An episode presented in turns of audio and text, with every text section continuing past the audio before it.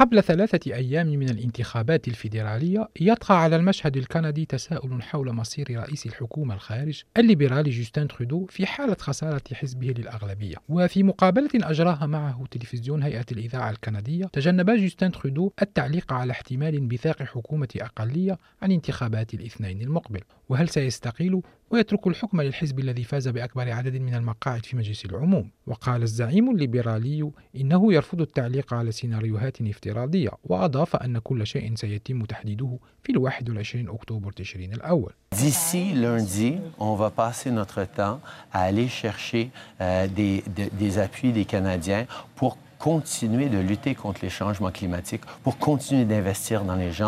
سنقضي الوقت المتبقي إلى غاية الاثنين في طلب الدعم من الكنديين لمواصلة مكافحة تغير المناخ والاستمرار في الاستثمار في الناس كما قال جوستين ترودو. وفي الوقت الذي يبدو فيه أن استطلاعات الرأي تشير إلى أنه لن يحصل أي حزب على ال 170 مقعدا الضرورية لتكوين أغلبية في البرلمان فإن الزعماء الفيدراليين لا يتفقون على السيناريو المفضل في حالة حكومة أقلية. وكان زعيم المحافظين أندرو شير واضحا حينما قال الحزب الذي يفوز بأكبر عدد من المقاعد له الأسبقية في تشكيل الحكومة.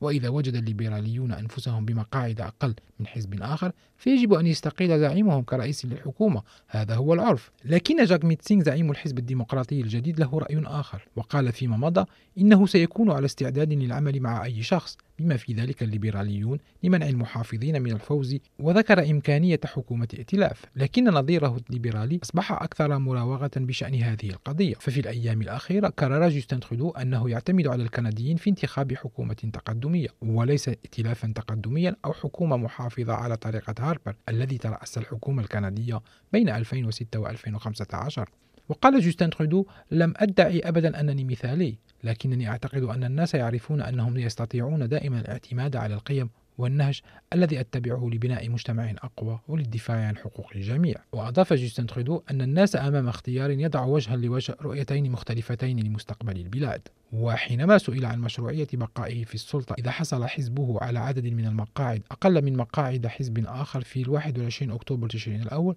قال هذه أسئلة للأكاديميين والخبراء لكن رأي جوستين ترودو كان مخالفا في السنوات السابقة ففي الانتخابات الفيدرالية لعام 2015 كان رأيه مشابها للرأي الذي يدافع عنه حاليا أندرو شير زعيم المحافظين. وفي مقابلة مع هيئة الإذاعة الكندية CBC قال حينها جوستين ترودو إن الحزب الذي يحصل على معظم المقاعد هو الذي يجب أن يحكم. حينها كان جوستين ترودو متوافقا على قواعد اللعبة مع منافسه رئيس الحكومة المنتهية ولايته ستيفن هاربر. وهو موقف كان يعارضه والده الذي ترأس الحكومة الكندية في السبعينيات من القرن الماضي. ففي عام 1979 قال بيير إليوت ترودو والد جوستن ترودو الذي كان يحاول الحفاظ على السلطة أمام المحافظين التقدميين أن القاعدة لا تطبق بحكم الأمر الواقع وأنه يحق للحزب تقييم خياراته بدلا من التخلي عن السلطة تلقائيا.